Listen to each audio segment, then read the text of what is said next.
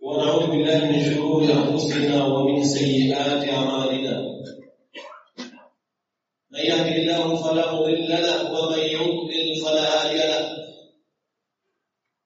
أشهد أن لا إله إلا الله وحده لا شريك له أشهد أن محمدا عبده ورسوله اللهم صل وسلم على نبينا محمد وعلى آله وصحبه أجمعين عباد الله أوصيكم ونفسي بتقوى الله ثم قال الله تعالى يا أيها الذين آمنوا اتقوا الله حق تقاته ولا تموتن إلا وأنتم مسلمون وقال تعالى لقد تاب الله على النبي والمهاجرين والأنصار الذين اتبعوه في ساعة العسرة من بعد ما كاد يزيغ قلوب فريق منهم ثم تاب عليهم إنه بهم رؤوف رحيم وعلى الثلاثة الذين خلفوا حتى إذا ضاقت عليهم الأرض بما رحبت وضاقت عليهم أنفسهم وظنوا أن لا ملجأ من الله إلا إليه. ثم تاب عليهم ليتوبوا إن الله هو التواب الرحيم. يا أيها الذين آمنوا اتقوا الله وكونوا مع الصادقين. Sidang jemaah Jumat yang dimuliakan Allah Subhanahu wa taala. Alhamdulillah Segala puji bagi Allah Subhanahu wa taala yang senantiasa menganugerahkan nikmat dan karunia-Nya kepada kita. Nikmat kesehatan dan nikmat kesempatan adalah dua nikmat yang banyak dari manusia lengah dan tertipu. Salam dan salam semoga dan berkah Allah Subhanahu wa taala pada Nabi kita Muhammad sallallahu alaihi wasallam. Allahumma shalli ala Muhammad Ada sebuah kejadian yang terjadi pada zaman Rasulullah sallallahu alaihi wasallam. Ada tiga orang sahabat yang tidak ikut dalam berperang Tabuk. Yang antara nama, namanya adalah Ka'ab bin Malik. Dia menceritakan tentang dirinya bahwa dia tidak pernah absen dari berperang bersama Rasulullah Shallallahu Alaihi Wasallam. Mulai dari pertemuannya di waktu Bayatul Aqabah sampai dalam peperang-peperang yang lainnya kecuali perang Badar yang pada saat itu Nabi Shallallahu Alaihi Wasallam keluar dari Madinah bukan untuk berperang pada awalnya dan kecuali perang Tabuk di mana kondisi pada perang Tabuk tersebut adalah kondisi yang sulit.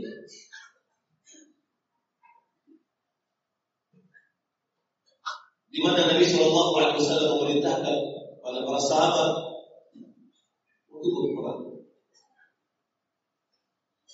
Adapun dia seorang yang gagah perkasa, seorang yang mentaati Rasulnya,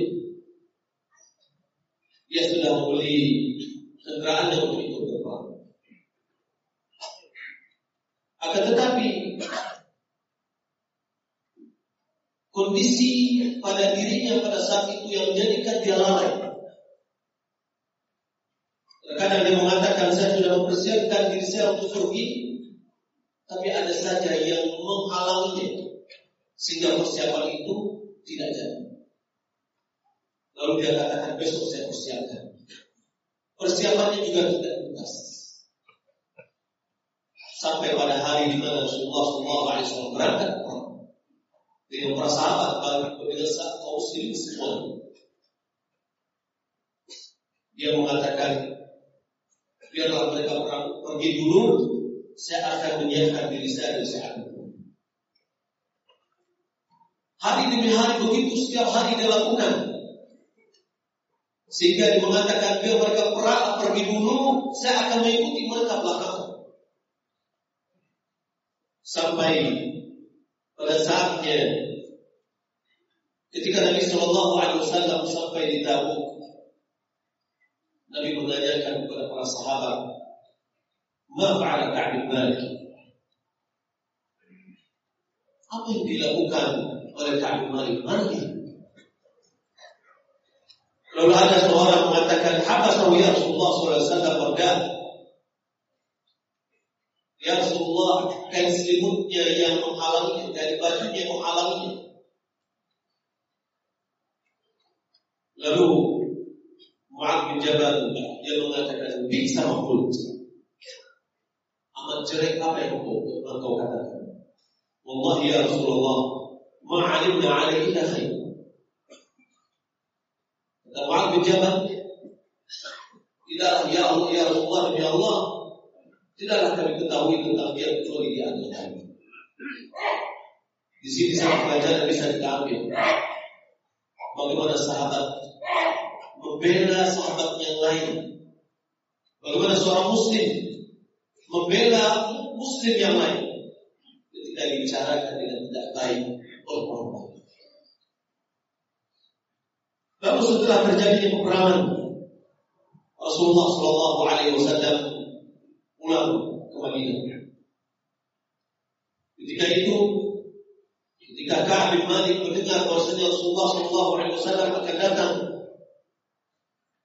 dia sudah memperkirakan pada dirinya bahwa dia nanti akan ditanya Rasulullah Shallallahu Alaihi Wasallam. Dia mengatakan kepada dirinya bahwa dia mampu untuk memberikan alasan-alasan yang bisa diterima oleh Rasulullah Shallallahu Alaihi Wasallam ketika Rasulullah Shallallahu Alaihi Wasallam datang. Orang-orang yang tidak ikut berperang juga datang kepada Nabi Shallallahu Alaihi Wasallam akan tetapi mereka adalah orang-orang munafik. Mereka datang kepada Nabi, mereka meminta maaf dengan beribu alasan mereka ajukan, lalu Nabi menerima dan ampunkan kepada Allah Subhanahu Wa Taala. Dan Nabi menyerahkan rahasia ada pada diri mereka kepada Allah Subhanahu wa taala. Akan tetapi ketika Ka'ab bin Malik datang dia masuk. Rasulullah Shallallahu Alaihi Wasallam melihatnya.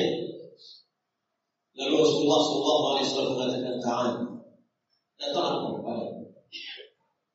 maka dia mengatakan aku datang berjalan sampai duduk di hadapan Rasulullah Shallallahu Alaihi Wasallam Lalu ketika aku bersalam kepadanya, dia memberikan senyuman yang mengindikasikan bahwasanya dia marah. Lalu Rasulullah Shallallahu Alaihi Wasallam berkata kepadaku, "Ma? Apa yang menyebabkanmu tidak ikut berperang? Alam takun lagi, alam takun, alam takun qad ishtarita dhahrak Bukankah engkau telah membeli kendaraanmu? Lalu dia mengatakan, Qala faqultu ya Rasulullah.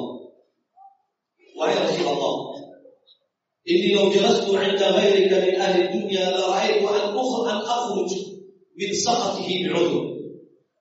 Sesungguhnya aku kalau seandainya aku duduk dengan orang lain selainmu dari penduduk dunia ini, sungguh aku akan bisa keluar dari kemarahannya dengan mengajukan uzur, alasan-alasan. Lalu kunci itu adalah aku telah diberikan kemampuan kefasihan berbicara. Walakin Allah Allah walakin Allah Laqad alimtu la in ahadathtuka al-yawma bil ahadith hadith kadhib hadith kadhib qadda bihi ayn anni la yushakanna Allah yaskhab alayhi yuskhifka alayhi Dia mengatakan kalau seandainya aku akan membicarakan kepadamu dengan pembicaraan bohong yang bisa engkau ridha kepadaku. Tapi aku khawatir kalau seandainya Allah Subhanahu wa taala akan menjadikanmu murka kepadaku. Wallahi wala in haddastuka bisidqin tajidu alayya fihi. Kalau seandainya aku beritahukan kepadamu yang sebenarnya pasti engkau akan menyimpan perasaan kepadaku Inilah arju aqrab aqbi atau uqba dzalika min amri. Atau afwan min Allah. Maka aku berharap ketika aku memberikan kata yang jujur, aku berharap setelah ini akan datang pengampunan dari Allah Subhanahu wa taala. Faqal lalu dia mengatakan, "Wallahi ma kana li Aku tidak memiliki alasan sedikit pun untuk tidak berangkat. Wallahi ma kuntu qad afra wa aisar minni hina takhalaftu anki. Kondisiku tidak pernah aku menemukan kondisi ketika aku absen darimu lebih lapang dan lebih memiliki kemudahan. Kata Rasulullah Sallallahu Alaihi Wasallam, lalu Rasulullah Sallallahu Alaihi Wasallam mengatakan, "Amma hada faqad sadaq." Sungguh ini dia sudah jujur. Fakum hatta yaqdi Allah fik. Berdirilah engkau sampai Allah Subhanahu wa taala memberikan keputusan pada dirimu. Setelah aku bangkit dari Rasulullah SAW katanya, lalu orang-orang dari kaumnya mengikuti dan membicarakan kepadanya, kenapa engkau tidak memberikan alasan-alasan kepada Rasulullah? Sementara Rasulullah menerima alasan-alasan orang selama sebanyak 80 orang diterima oleh Nabi dan dimohonkan ampun oleh Nabi. Kenapa kamu tidak melakukan hal yang sama? Sehingga saking banyaknya orang memberikan alasan-alasan kepadanya sampai dia mengatakan pada dirinya, hampir-hampir saya mau kembali kepada Nabi. Dan aku kembali merubah alasan. Akan tetapi dia bertanya lagi, Adakah orang seperti itu selain dari Dia katakan, iya ada dua orang. Yaitu yaitu Mirah Marah. Marah bin Rabi'ah Al-Amili dan yang kedua adalah Hilal bin Umayyah Al-Waqif Keduanya mengatakan kepada Nabi seperti apa yang katakan dan Nabi mengatakan kepada mereka berdua seperti apa yang dikatakan Ketika mendengar itu, Ka'ab Malik mengatakan mereka dua, yang mereka berdua itu adalah orang senior dan mereka adalah orang yang lebih soleh. Maka pada saat itu dia merasakan ada pertemanan pada saat tersebut dalam kondisi di mana Nabi Shallallahu Alaihi Wasallam memberikan pelajaran kepadanya. Selama 40 hari, Nabi tidak mau berbicara dengan tiga orang ini. Semua orang dibaikkan oleh Nabi untuk berbicara dengan tiga orang. Sampai Ka'bi Malik ketika dia datang kepada Nabi, duduk di samping Nabi, dia dia bersalam kepada Nabi. Dia melihat kepada mulut Nabi apakah Nabi menggerakkan mulut untuk menjawab salamnya atau tidak. Namun Nabi tidak menjawab. Nabi memberikan pelajaran kepada tiga orang tersebut.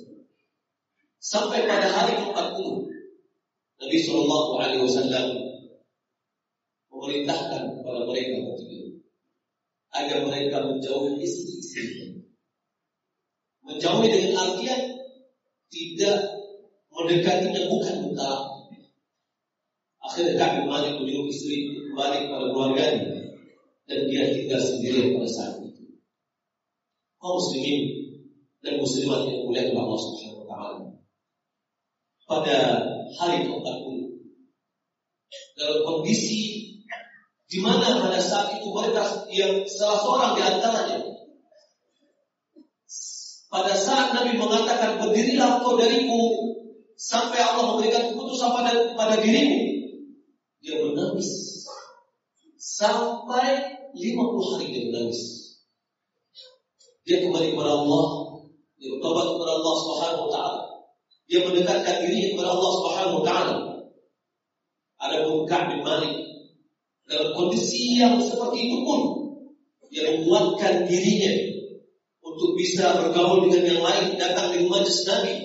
Akan tetapi Nabi pun tidak menghiraukannya sampai datang satu surat dari kerajaan yang lain dari kerajaan Nasrani yaitu dari Malik Hassan dia mengatakan memberikan surat kepadanya. Kami mendengar bahwasanya Tuhan Allah mendiamkan telah bersikap gersang kepadamu datang engkau kepada kami. Kami akan berikan kedudukan kepadamu kami. Malik mendengar dan membaca surat itu dia robek dia kata ini adalah musibah yang besar. Dia bersabar disebabkan oleh kejujuran yang dia lakukan kepada Nabi. Nabi memberikan hukuman kepadanya selama 50 hari tidak ditegur sama. Coba kita bayangkan, ketika kita berada di satu masyarakat dan kita sendirian tidak ditegur sama oleh orang, bagaimana rasanya? Sementara kita berada di tengah mereka. Bagaimana dengan tiga orang sahabat ini dengan Rasulullah SAW? Dengan keluarganya, dengan sahabat-sahabatnya. Lalu pada pagi hari ke-50 Allah Subhanahu wa taala turunkan taubatnya untuk mereka. Ketika Allah Subhanahu wa taala mengatakan wa 'ala thalathati alladziina khulifu hatta idza daqat 'alaihim ar-rahmah hatta idza daqat 'alaihim al-ardu wa ma rahabat wa daqat anfusuhum dhannu an la malja min Allah illa ilayhi ثم تاب عليه ليتوب inna Allah wa tawwabur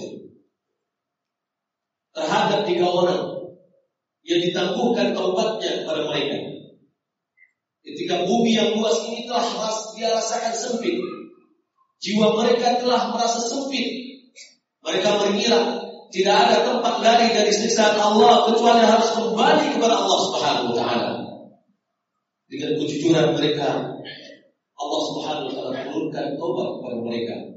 Karena Allah Subhanahu wa taala Maha memberi taubat dan Maha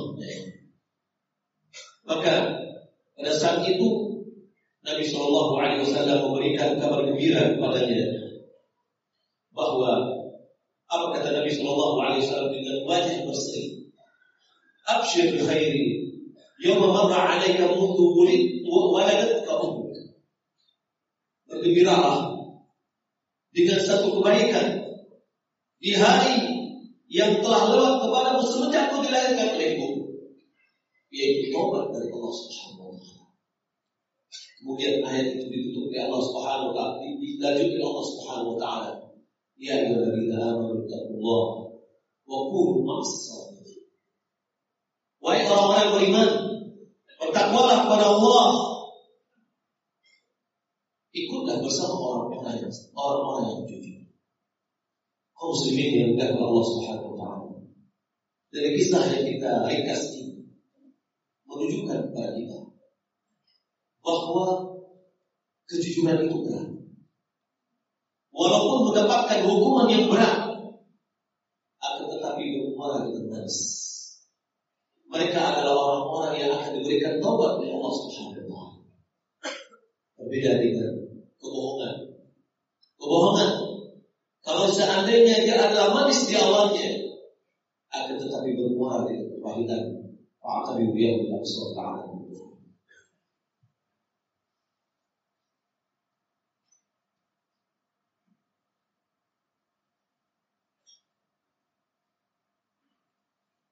الحمد لله الذي أرسل رسوله بالهدى ودين الحق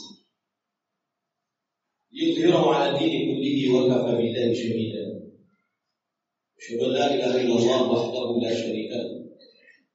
وأشهد أن محمدا عبده ورسوله. اللهم صل وسلم على نبينا محمد وعلى آله وصحبه أجمعين. أما بعد قال الله تعالى فلو صدقوا الله لكان خيرا لهم. muslimin yang Allah Subhanahu wa taala. Kejujuran pada zaman kita sekarang ini bagaikan berlian atau ikan berlian yang sulit kita mencari. Mencari manusia-manusia yang jujur perlu waktu yang lama. Allah Subhanahu wa taala mengatakan kalau seandainya mereka jujur kepada Allah maka itu adalah baik baginya, baik. Jujur di dalam keimanannya, jujur dengan ketaatannya kepada Allah. Kejujuran kaum muslimin dan kaum muslimin kepada Allah Subhanahu. Jujur kita kepada Allah.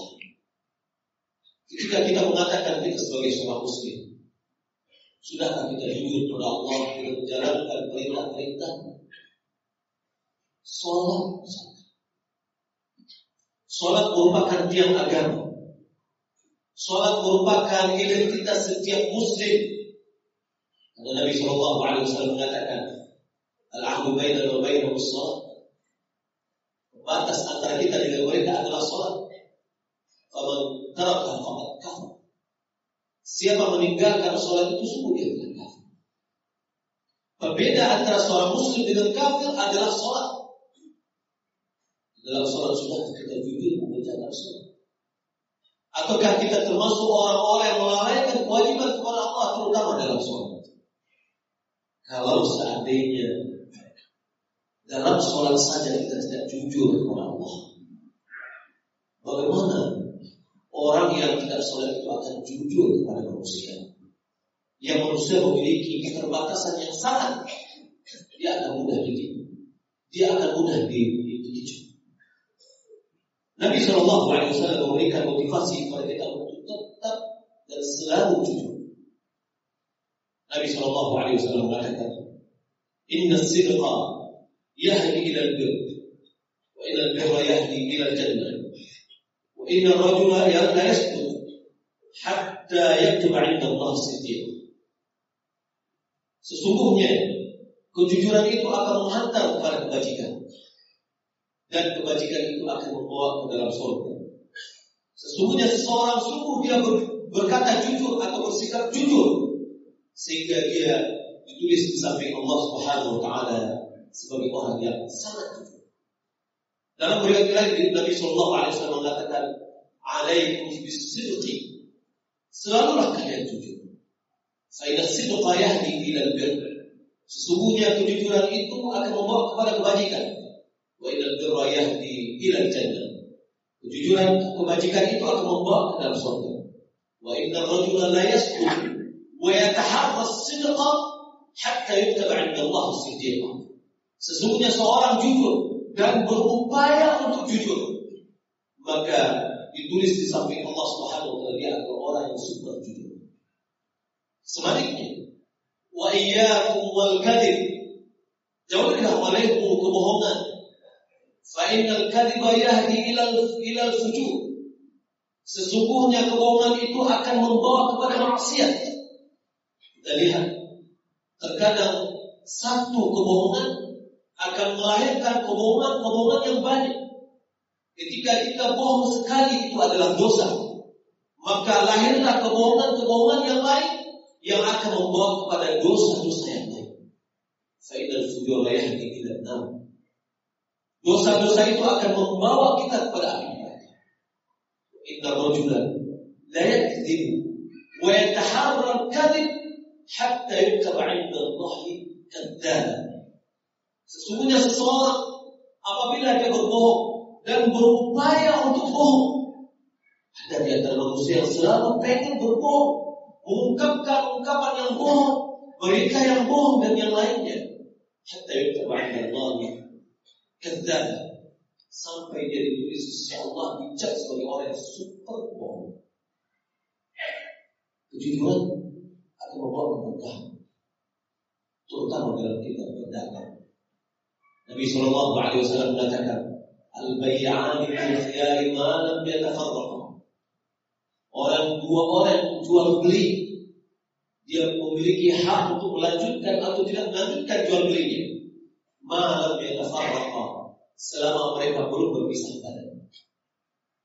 Wa in sadaqa wa bayyana burika lahum fi. Jika seandainya keduanya jujur, jujur mengungkapkan barang yang akan dia jual dan jujur mengungkapkan barang yang sebagai pengganti. Wabayyana dia berikan penjelasan-penjelasan maka diberkati di dalam jual beli mereka berdua. Uang yang dihasilkan memberikan berkah. Berkah itu adalah kebaikan-kebaikan yang banyak. Barang yang dibeli adalah berguna dan bermanfaat. Sebaliknya, wa in kadzaba wa kata. Kalau seandainya dia keduanya berbohong atau menutup-nutupi mobil yang dijual sudah pernah terbalik, patah, dilas, kemudian dicat baik-baik, tapi kita tidak pernah mengungkapkan mobil ini pernah begini dan begini, tapi kita tutup-tutupi. Atau kita berbohong ketika ditanya apakah pernah patah, lalu kita katakan tidak pernah patah. Atau kita sembunyikan tanpa memberikan keterangan. Kita katakan, apakah ini pernah patah? Silahkan saja lihat sendiri. Ini tidak ada kejujuran di dalam tujuan kalau seandainya tidak ada kejujuran dalam jual beli, maka kata Nabi Shallallahu Alaihi Wasallam, muhibah barakatu bayi. Maka dihapuslah keberkahan dalam jual beli. Walaupun dia mendapatkan uang yang banyak, amat mudah bagi Allah untuk habiskan sejenak. Sejenak dan sekejap akan bisa mudah hilang kalau seandainya keberkahan. Tapi kalau keberkahan ada walaupun sedikit, dia akan berkembang dan berkembang untuk kebaikan. Kaum muslimin yang dimuliakan Allah Subhanahu wa taala. Kejujuran itu adalah penting. Mari kita latih diri kita untuk jujur. Mari kita tanamkan kepada generasi kita yang akan datang untuk tetap bersikap jujur. Dan jujur ini adalah dilatih. Melatih anak-anak jujur bermula dari keluarga yang jujur. Bermula dari orang tua yang jujur, ibu bapak yang jujur. Terkadang kita malas sekali dengan anak kita yang tidak jujur. Tapi tanpa sadar, kita telah mengajarkan kepada mereka.